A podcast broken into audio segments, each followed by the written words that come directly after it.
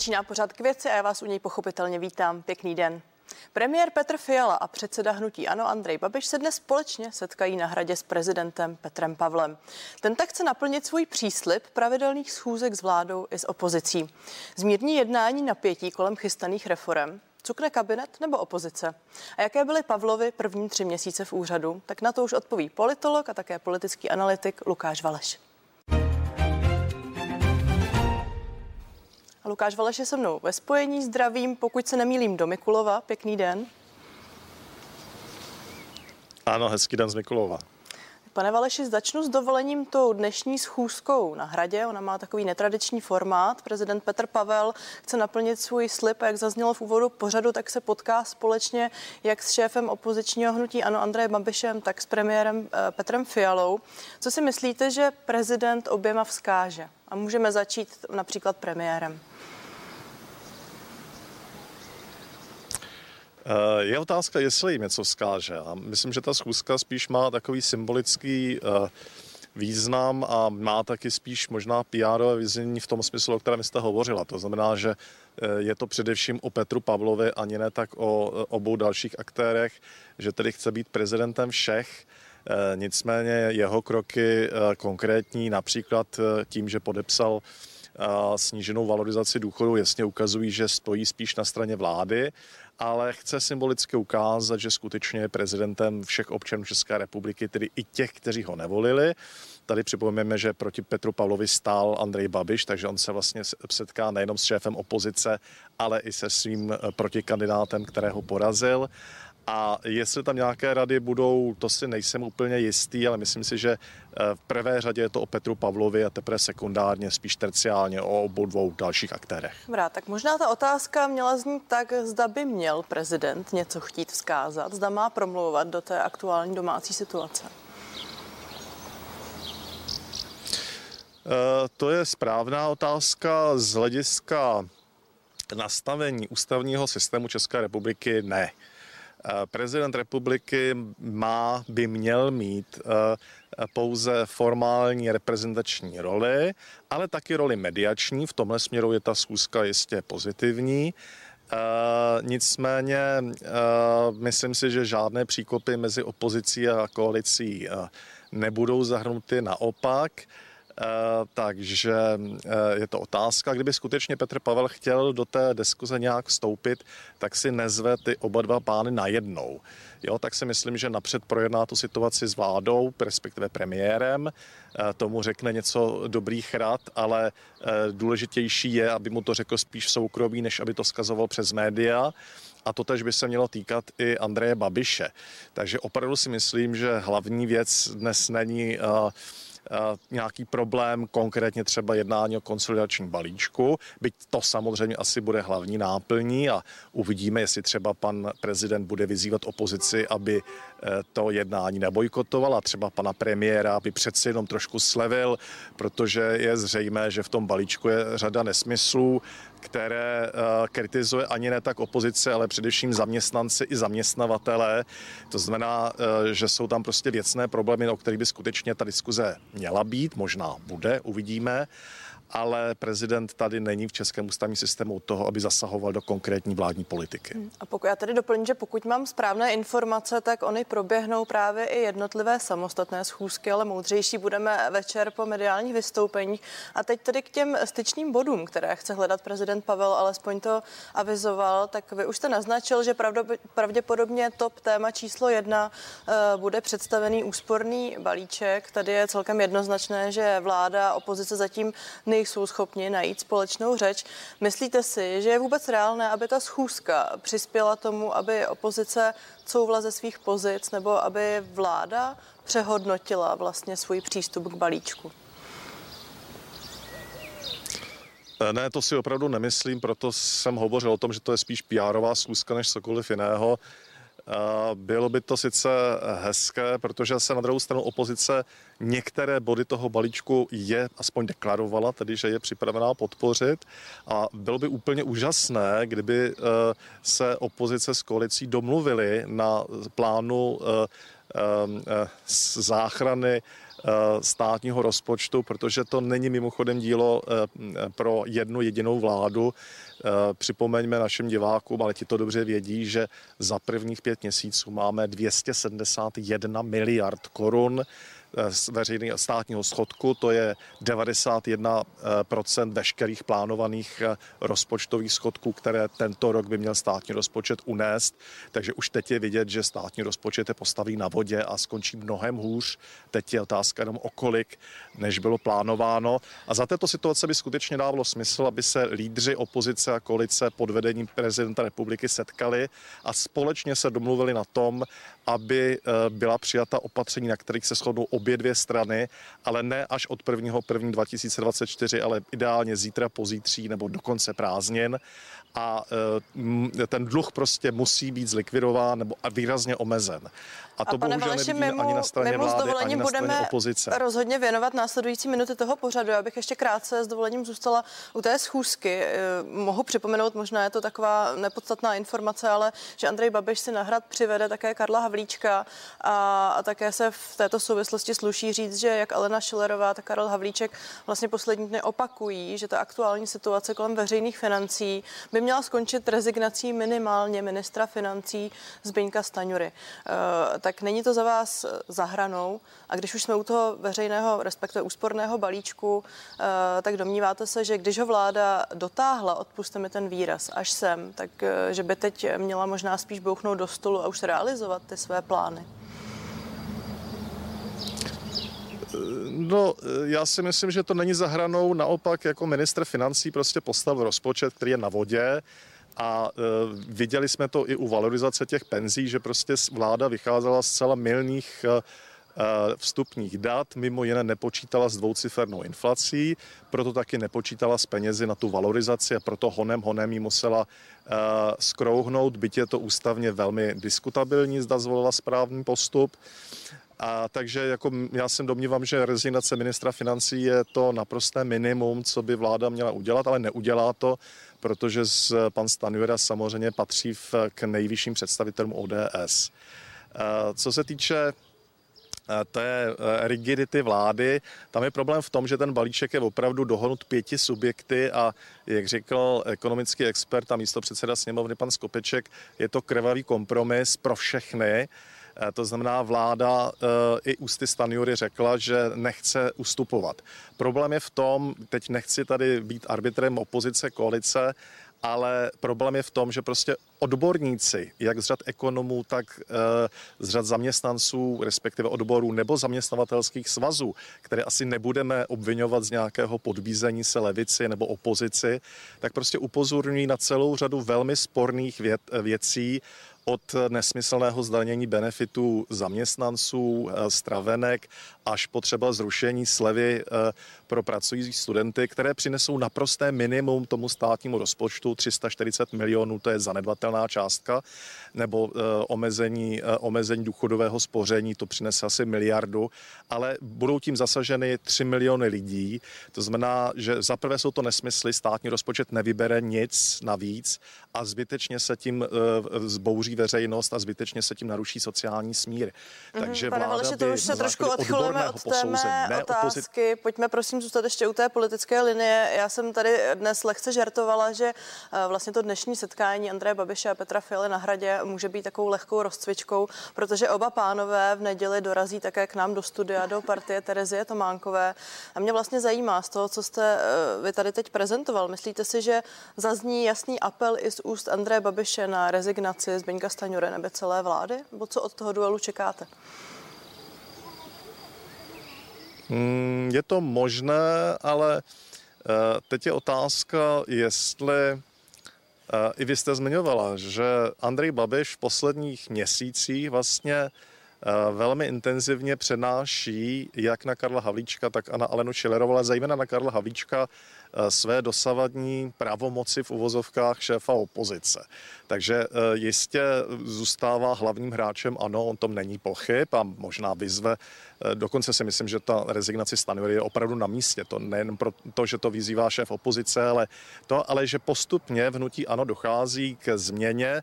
Teď uvidíme, jestli je to změna spíš jenom tváří, eh, Nemyslím si, že by to byla reálná mocenská změna ve strukturách, ano, ale je zcela evidentní, že Andrej Babiš a celkem pragmaticky a správně si je vědom toho, že jeho osobnost prostě vyvolává e, příliš mnoho vášní, hlavně negativních u řady občanů a že pro hnutí ano a zejména jeho budoucnost, protože Babišovi taky už e, se blíží sedmdesátka, tak pro budoucnost hnutí ano je důležité, aby nastoupila nová garnatura politiků, a e, on postupně sice si bude držet moc, ale myslím si, že e, nebude chtít být tou hlavní viditelnou hlavou hnutí ano.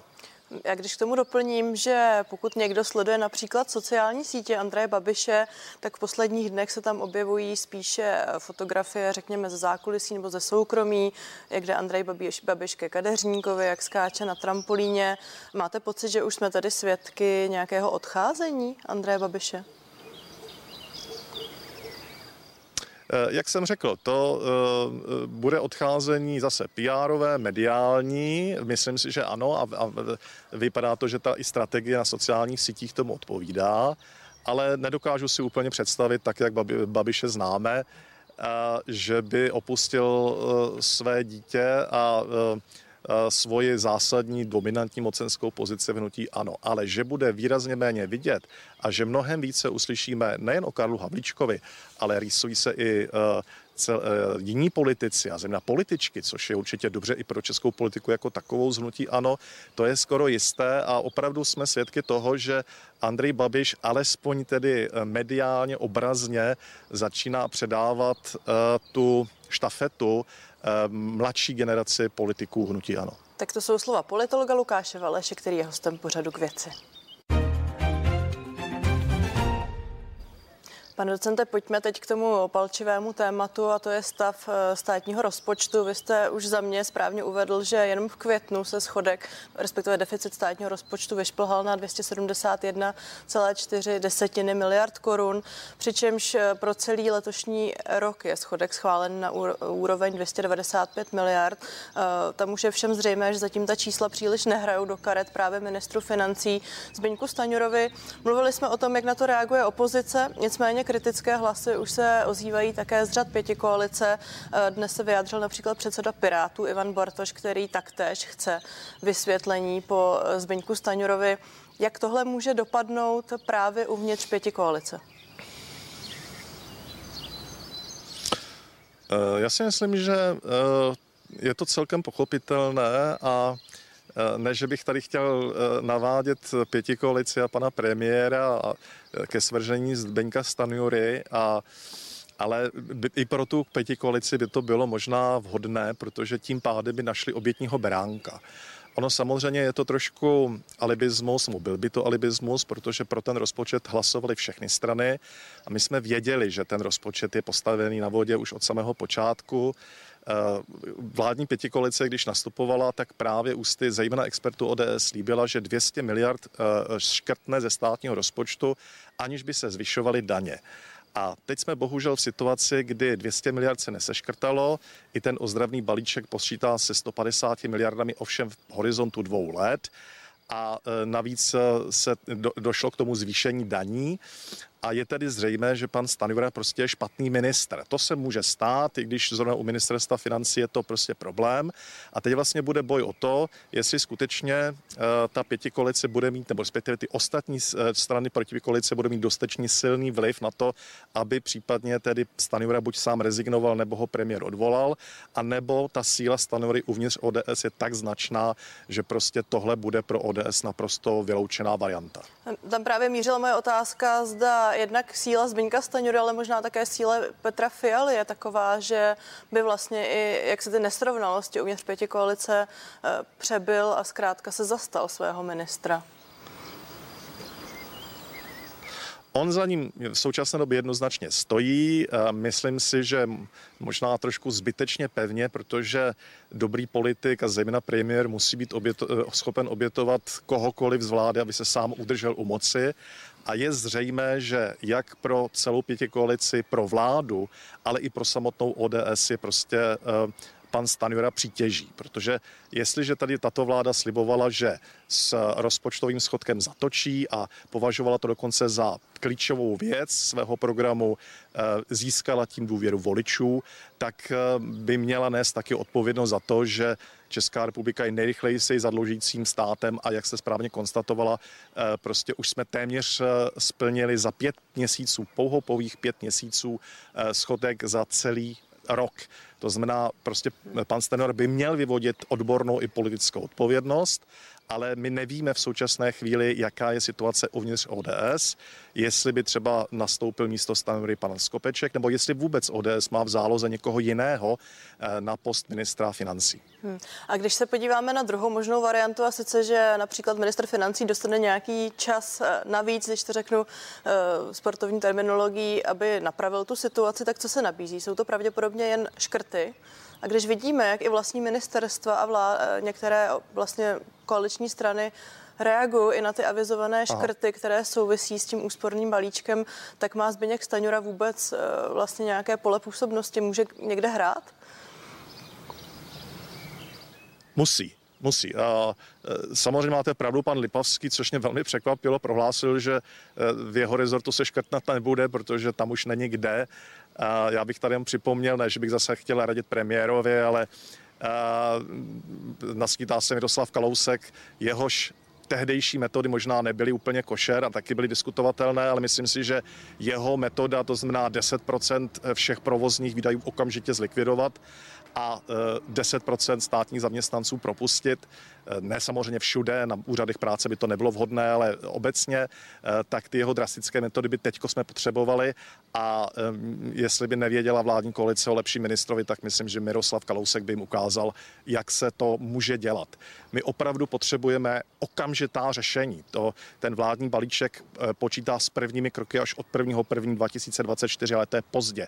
Ten rozpočet prostě musí projít drastickými škrtaj a musí škrtat stát. Stát musí ukázat, že je skutečně dobrý hospodář, že si nemůžeme žít nad poměr, je to jednoznačné a nesmí to odnést zejména střední a nižší třída, která odnese ten balíček. Musí stát ukázat, že je ochoten a schopen škrtat a myslím si, že desítky miliard jsou minimální částkou, kterou stát musí prostě dát na oltář záchrany. Dneska už opravdu hovoříme o záchraně státního rozpočtu pro tento rok. Dobrá, ale ten odpor tedy zazněl z více stran. Vy jste zmínil ministerstvo zahraničí, bylo tady také ministerstvo pro místní rozvoj, ozvalo se pochopitelně ministerstvo obrany, tuším i zdravotnictví.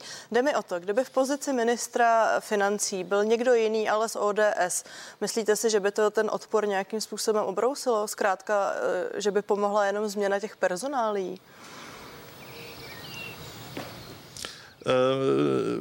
Za prvé prostě musí to být člověk, který je důvěryhodný. Eh, ideální by byl ekonom. Pan Stanora není ekonom a um, to taky trošku podrývá jeho odborné renome.